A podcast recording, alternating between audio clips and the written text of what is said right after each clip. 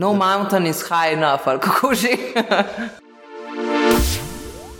Pozdravljeni poslušalci, smo v že 89. epizodi Meta podcasta, tukaj na biotehnički fakulteti z mano Beti Vidmar, ki je biotehnologinja, ki to ni. Uh, ja, mene je težko nekako uvrstiti ali v skupino biotehnologov, zaradi tega, ker sem po prvi stopni študija dejansko mikrobiologinja, po drugi stopni študija pa biotehnologinja. In ne glede na to, da sem magistrica biotehnologije, ne, sem po srcu še vedno mikrobiologinja in ostajam tako. Kar me je izredno veselilo pri biotehnologiji, je pa ta aplikativni del. Jaz, jaz sem fur rada pač preučevala mikriče, ampak imam pa tudi rada aplikacije z njimi, tako da zaradi tega sem mešanica obojega, se mi zdi. A manjka aplikacija v mikrobiologiji? Vsekakor. Zakaj pa ne bi iskali nekaj novega, če še zmeraj je prostor za to? Kakšna je pa razlika za lajke med mikrobiologijo in med biotehnologijo? Zdaj, biotehnologija je, predvsem, um, kot sem že na začetku menila, bolj aplikativno usmerjena. Je tudi izredno široko področje. Ne? Tu govorimo o industrijskem aspektu, od kemije, farmacije, medicine, pa gre lahko tudi v področje živilstva, prehrane in tako naprej. Ne? Mikrobiologija je pa sicer tudi v osnovi lahko najdemo jo na večjih področjih, ampak se ukvarja bolj kot ne z mikroorganizmi, tudi v smislu genetike, manipulacije z mikroorganizmi in tako naprej. Ne. Tako da jaz sem pa bolj aplikativni človek, se pravi, uporaba za industrijske namene. Ne. Kaj pa je naslov tvoje doktorske naloge, potem tudi doktorska naloga bolj aplikativno usmerjena? Ja, tako je. Um, že, že z magistrsko nalogo sem želela uh, preučevati aplikacije. In to se je nadaljevalo tudi pri doktorskem študiju oziroma doktorski nalogi. Naslov moje doktorske naloge je mikrobna razgradnja keratina v termofilnem bioreaktorju. Pač keratin na splošno je zelo velika težava v industriji, se pravi odpadki v obliki perja oziroma volne, tega je ogromno in ker je odpadkov če dalje več, ker industrija seveda tudi raste iz leta v leto, um, se spopadajo s temi težavami na različne načine, sežiganjem z uporabo kislin in basa. Ne. Mi pa kot mikrobiologi, oziroma nasplošno tudi biotehnologi, pristopamo k reševanju te problematike z uporabo mikroorganizmov. Ne. Zakaj ne bi uporabili nečesa, kar nam je narava že dala, oziroma je že evolucijsko tako dobro razvito, da jo lahko uporabimo tudi v naših procesih. Ne. Ravno sem se spomnil, da tudi, recimo, ko pogledaš mačko, ko pojenega ptička, izbljuva ven tiste delce. Ja. Niso lahko prebavljivi. Zakaj je, zakaj ja. je ta um, keratin tako zajeven za razgrade? V bistvu, kakorkoli je to lahko slabo za nas, ne, ker se ga težko znebimo. Je hkrati tudi velika prednost za človeštvo, oziroma sesalce in tako naprej. Ne. To je neka, uh, če lahko rečeš temu, barijera. Ne. Recimo, poglej našo kožo, ki je tudi sestavljena iz keratina, nohte ali pa kremple pri živalih, perje ali pa volna, ki pokrivajo telo drugih, um, naprimer sesalcev oziroma ptičev. Ne. Um, to je v bistvu neka barijera med okoljem in pa samim organizmom, in kot tak, mora biti težje za razgradnjo, ker če ne bi lahko zunani vplivi definitivno nam bolj škodovali kot, kot nam sicer. Ne. Omenili si, da industrija zdaj sežiga ali pa meče te stvari v kisline, če sem te prav razumel. Ja, Ti sama pa raziskuješ upravo bioreaktora, zdaj to se ja. sliši kot ne vem. Fantastično, ne? Morti nek, nekaj tam izumljajo s pomočjo Rika, kaj je ta mm -hmm. bioreaktor. Ej, to zgleda fenomenalno, Ej, to je tako hudo, tako vesoljsko, ampak hkrati prav basic, osnova. Res. Mislim, fenomenalno. Zmešaš mikroorganizme, oziroma mi rečemo temu mikrobna biomasa. Ne? Bioplinskem reaktorju je že ogromno nekih naravno prisotnih mikroorganizmov, ki lahko razgrajujejo različne substrate. Ne. Recimo keratinska molekula je v osnovi sestavljena uh, iz aminokislin, ne. to je beljakovina, če tako gledamo. Ne.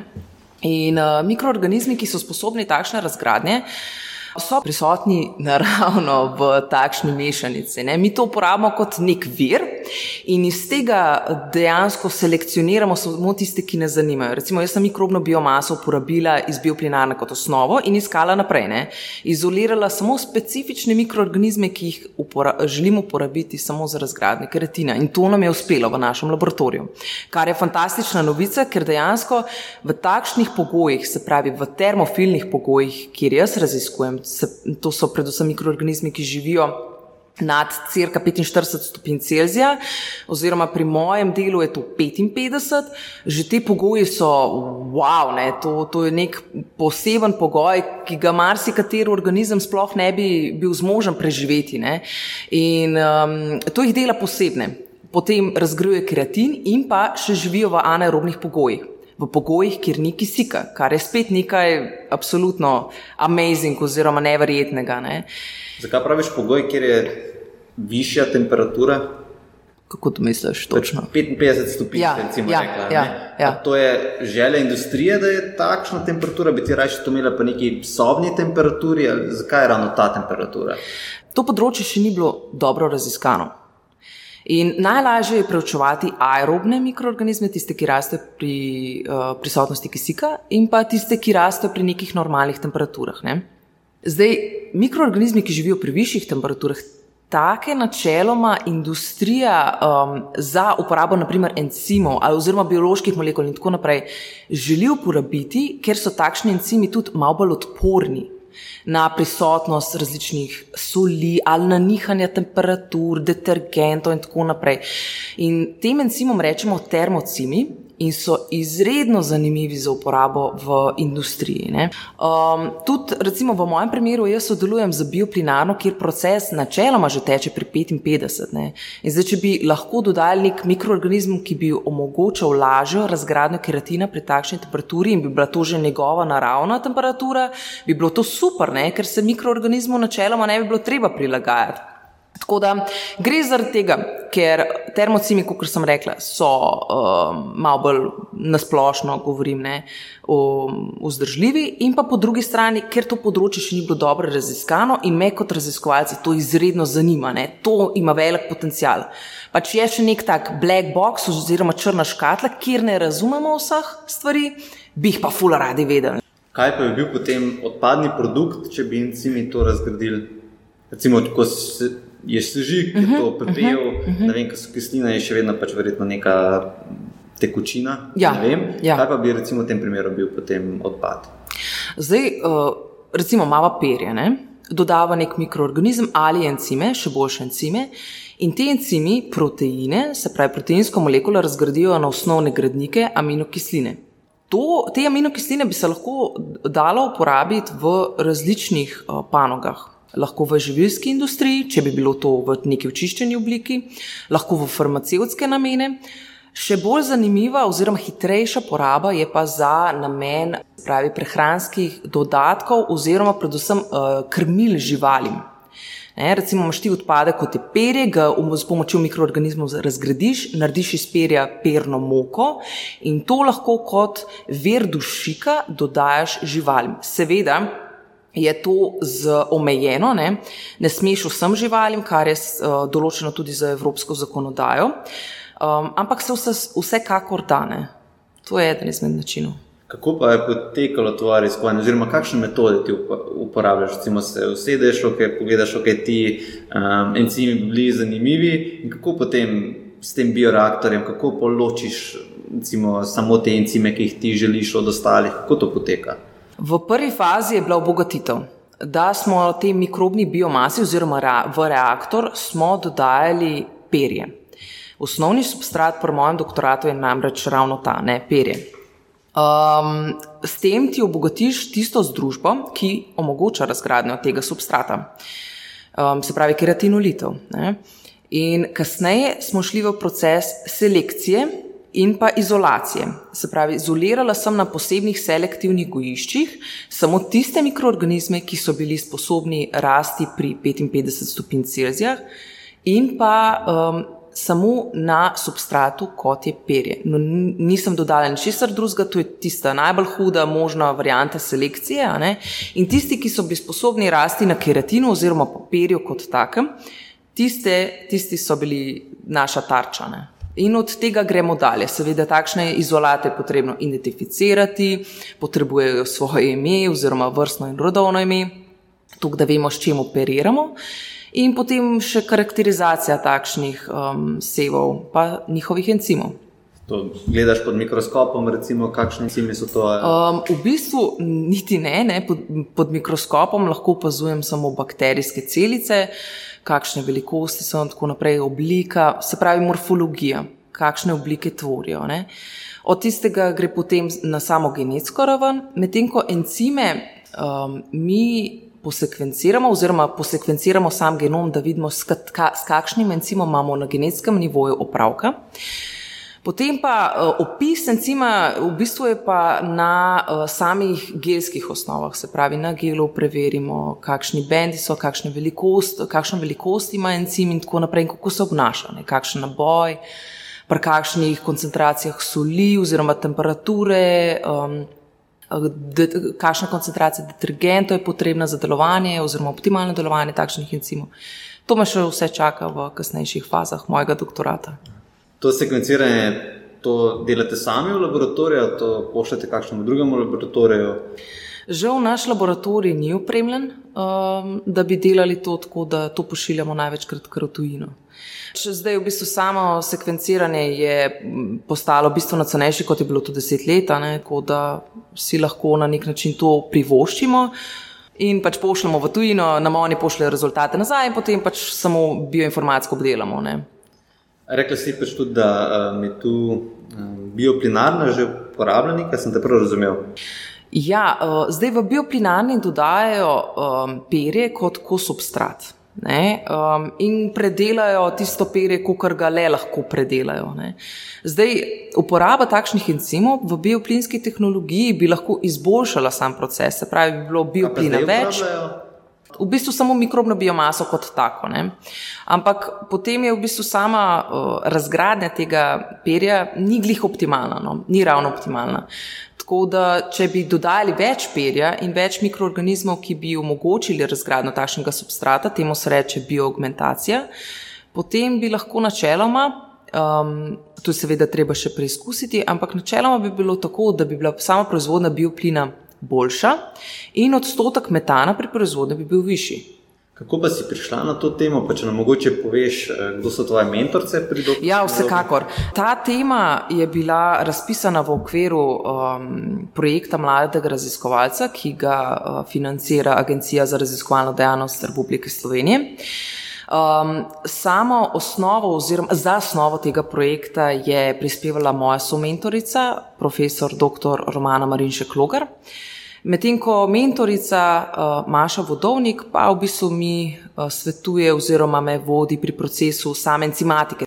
Beti je še ena izmed tistih, ki smo se spoznali na znanstvenem slemu letos. Ja. Sicer je bila Beti kot lansko letna zmagovalka bolj v vodi um, mentorice in, in pomagalke na samem dogodku in prej, ko smo se za njega pripravljali. Pa mi povej, Alani si imela isto temo, kot jo imaš zdaj, za doktorat, ja. pa to magisterij, seveda to je bila ta tema, ki si jo predstavljala. Ja, to je, bila, to je bil tak mehen, mehen delček mojega doktorata. Pač težko je na nek, se tudi sam dobro veš, težko je v bistvu ful velik znanja stisniti v pet minut na poljuden način, ki bo še vseeno zanimivo in zabavno za poslušalce. Um, tako da meni je bila v bistvu najboljša varijanta to, da opredelim, da lahko iz odpadkov naredimo nekaj novega, ne, da odpadek ne sme predstavljati samo odpadek, ampak da ga lahko predelamo, iz tega naredimo po možnosti neko zeleno energijo, oziroma da obstajajo določeni obnovljivi veri energije, ki niso še tako znani pri ljudeh, ne, oziroma mogoče rabijo malo več tega, ko bi rekla, ekov, odmevano.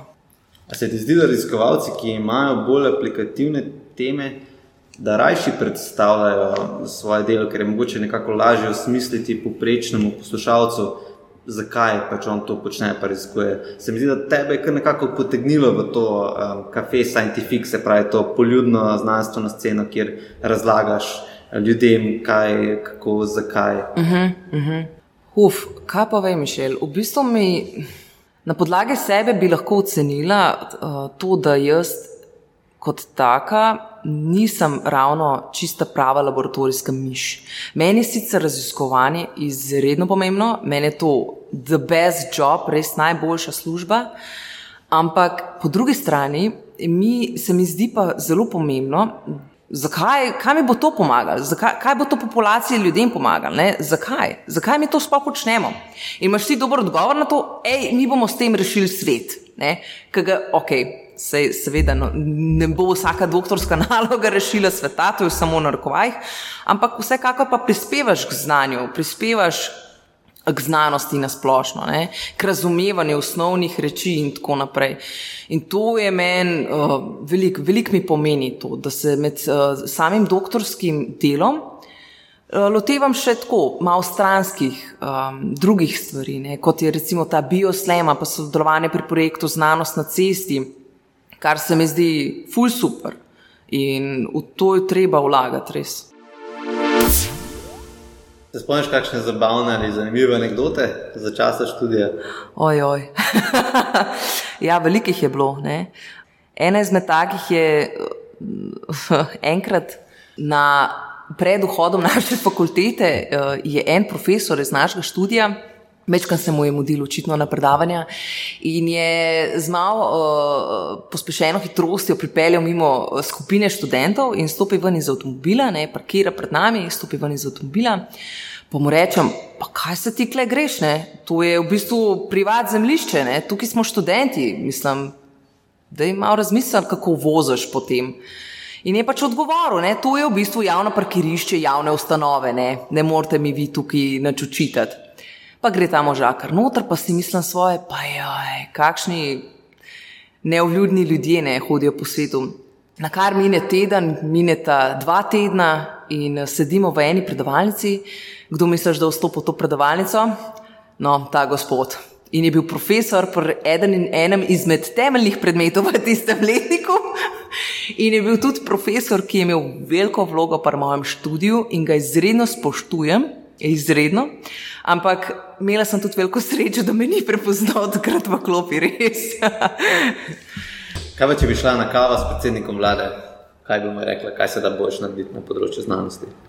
Mislim, da je splošni odgovor vseh raziskovalcev definitivno vlaganje v znanost, ne? se pravi manj. Um, to je itak, tak splošen in zelo pomemben odgovor. Ja.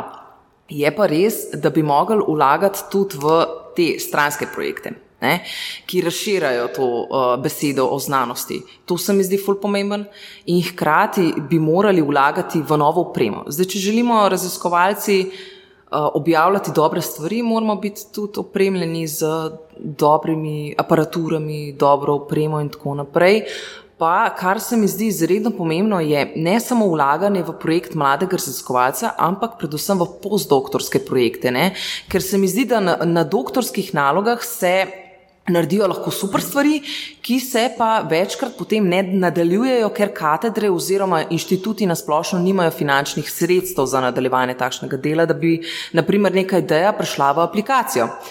In tukaj bi mogli predvsem spremeniti, da bi naprimer um, obranili tudi ta beg možganov, ne? ker večina takšnih raziskovalcev oziroma doktorjev znanosti gre v tujino po želji, z željo po o, dodatnem izobraževanju oziroma dodatnem delu na svojem področju. Ne? Če bi takšne raziskovalce lahko s postdoktorskimi projekti zadržali, bi bilo to fantastično za celo državo, za gospodarstvo in tako naprej. Ne? To bi nekako mogli združiti in gospodarstvo, in sodelovanje države, in znanost na splošno. Ne?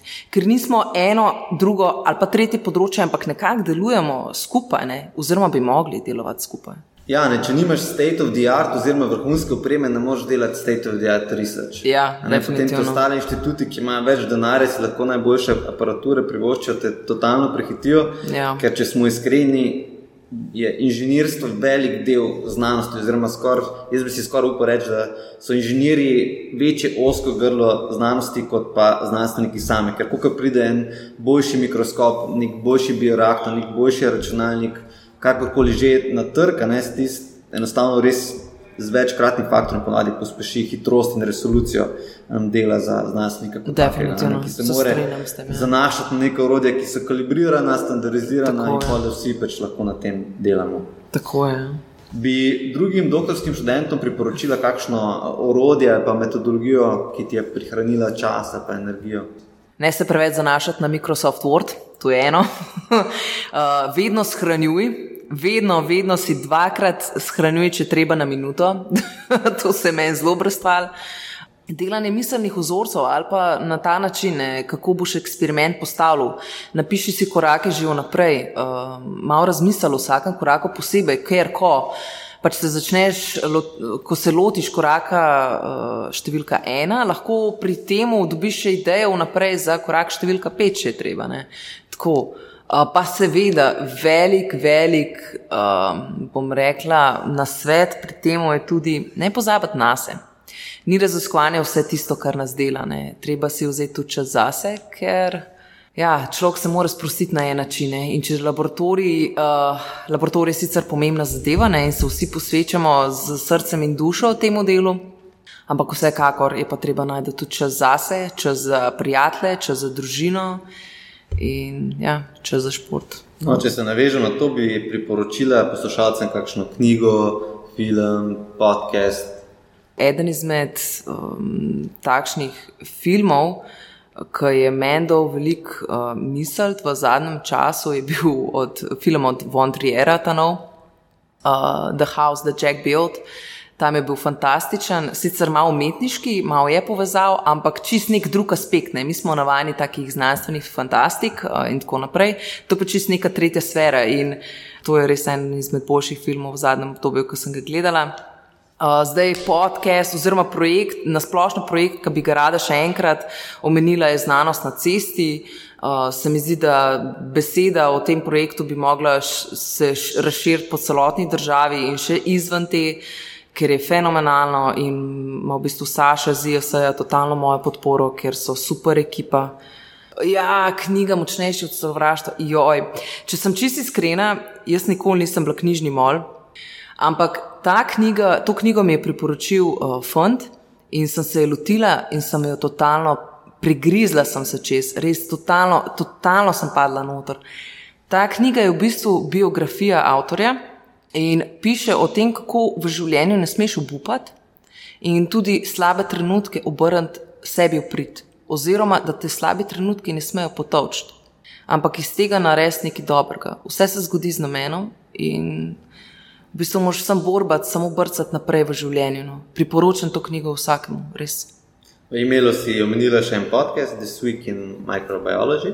Ja, lej, v bistvu mikrobiolog ne bi bila, če ne bi kaj tazga poslušala. Ne? In recimo tukaj se pojavijo različni znanstveniki iz tega področja samega, same mikrobiologije in vsak teden imajo neko drugo temo. In to so same vroče teme, od ne vem, zika virusa, do ne vem, recimo. Zdaj pojavljanja uh, sevov, mikro, mikroorganizmov, ki so že odporni na različne antibiotike, in tako naprej. Skratka, um, področje oziroma vprašanj, ki se nas tičejo vseh, ne, celotne populacije, ne samo mikrobiologov, ampak celega sveta. Ne. Kaj bomo mi naredili s tem, zakaj je to pomembno in ful dobro, res priporočam. Če bi lahko šla s komorkoli na večerjo, brez yes. časovnih, kakršnih koli omejitev, s kom bi šla na večerjo? To se mi zdi ful dobro vprašanje, ne, kle se res vprašaš. In sem mogla kar nekaj časa razmišljati, da sem prišla do odgovora, ampak definitivno en tak človek, ki mi je pri katerem si lahko rečem, sem wow. Iz, če govorimo od tujih, je Leonardo da Vinci. On je meni fenomenalen umetnik oziroma inovativen človek. Um, njegovo delo nima meja za moje pojme in je tak sicer um, človek uh, renesanse, ampak se mi zdi, da njegova, uh, njegovi kriteriji tega ustvarjanja so bili čist preveliki za tisto obdobje, no, ga marsikateri človek ni štekal po domač povedan. Um, tako da ni, definitivno njega bi povabila na večerjo. Mogoče bi me celo lahko na sliko, kamo na liso, veš to bi bilo kul. Cool. Um, no, kar se tiče pa slovenskih, je pa Tomaš Humor. Njegova zgodba mi je fenomenalna. Tudi tak nek človek z večnim optimizmom. Zdaj nekje sem prebrala, da je sicer ni nor, ne, ni bil nor, bil je prekleto pameten, ampak po drugi strani njegova borba z samimi hribi oziroma vrhovi je tako kot nek način, ne vem, kot neko življenje na splošno. No. Se pravi, to v bistvu je celo povezavo, borbamo naprej, ne delamo naprej. Tako da definitivno njega bi povabila na večerjo. Evo. Poslušali ste Meta podcast. To je oddaja, v kateri se pogovarjamo z mladimi znanstveniki in znanstvenicami z različnih področji znanosti. Podcast domuje na spletišču metinalista.si, kjer najdete tudi druge zanimive znanstvene vsebine. Naše delo lahko podprete z donacijo Metini listi. Pohvale, pripombe in predloge lahko posredujete po e-mailu znanost.afna.metinalista.si. Dobrodošli so tudi komentarji na Facebook profilu Metine liste in na Twitterju afna.metinalista, kjer uporabite hashtag metapodcast.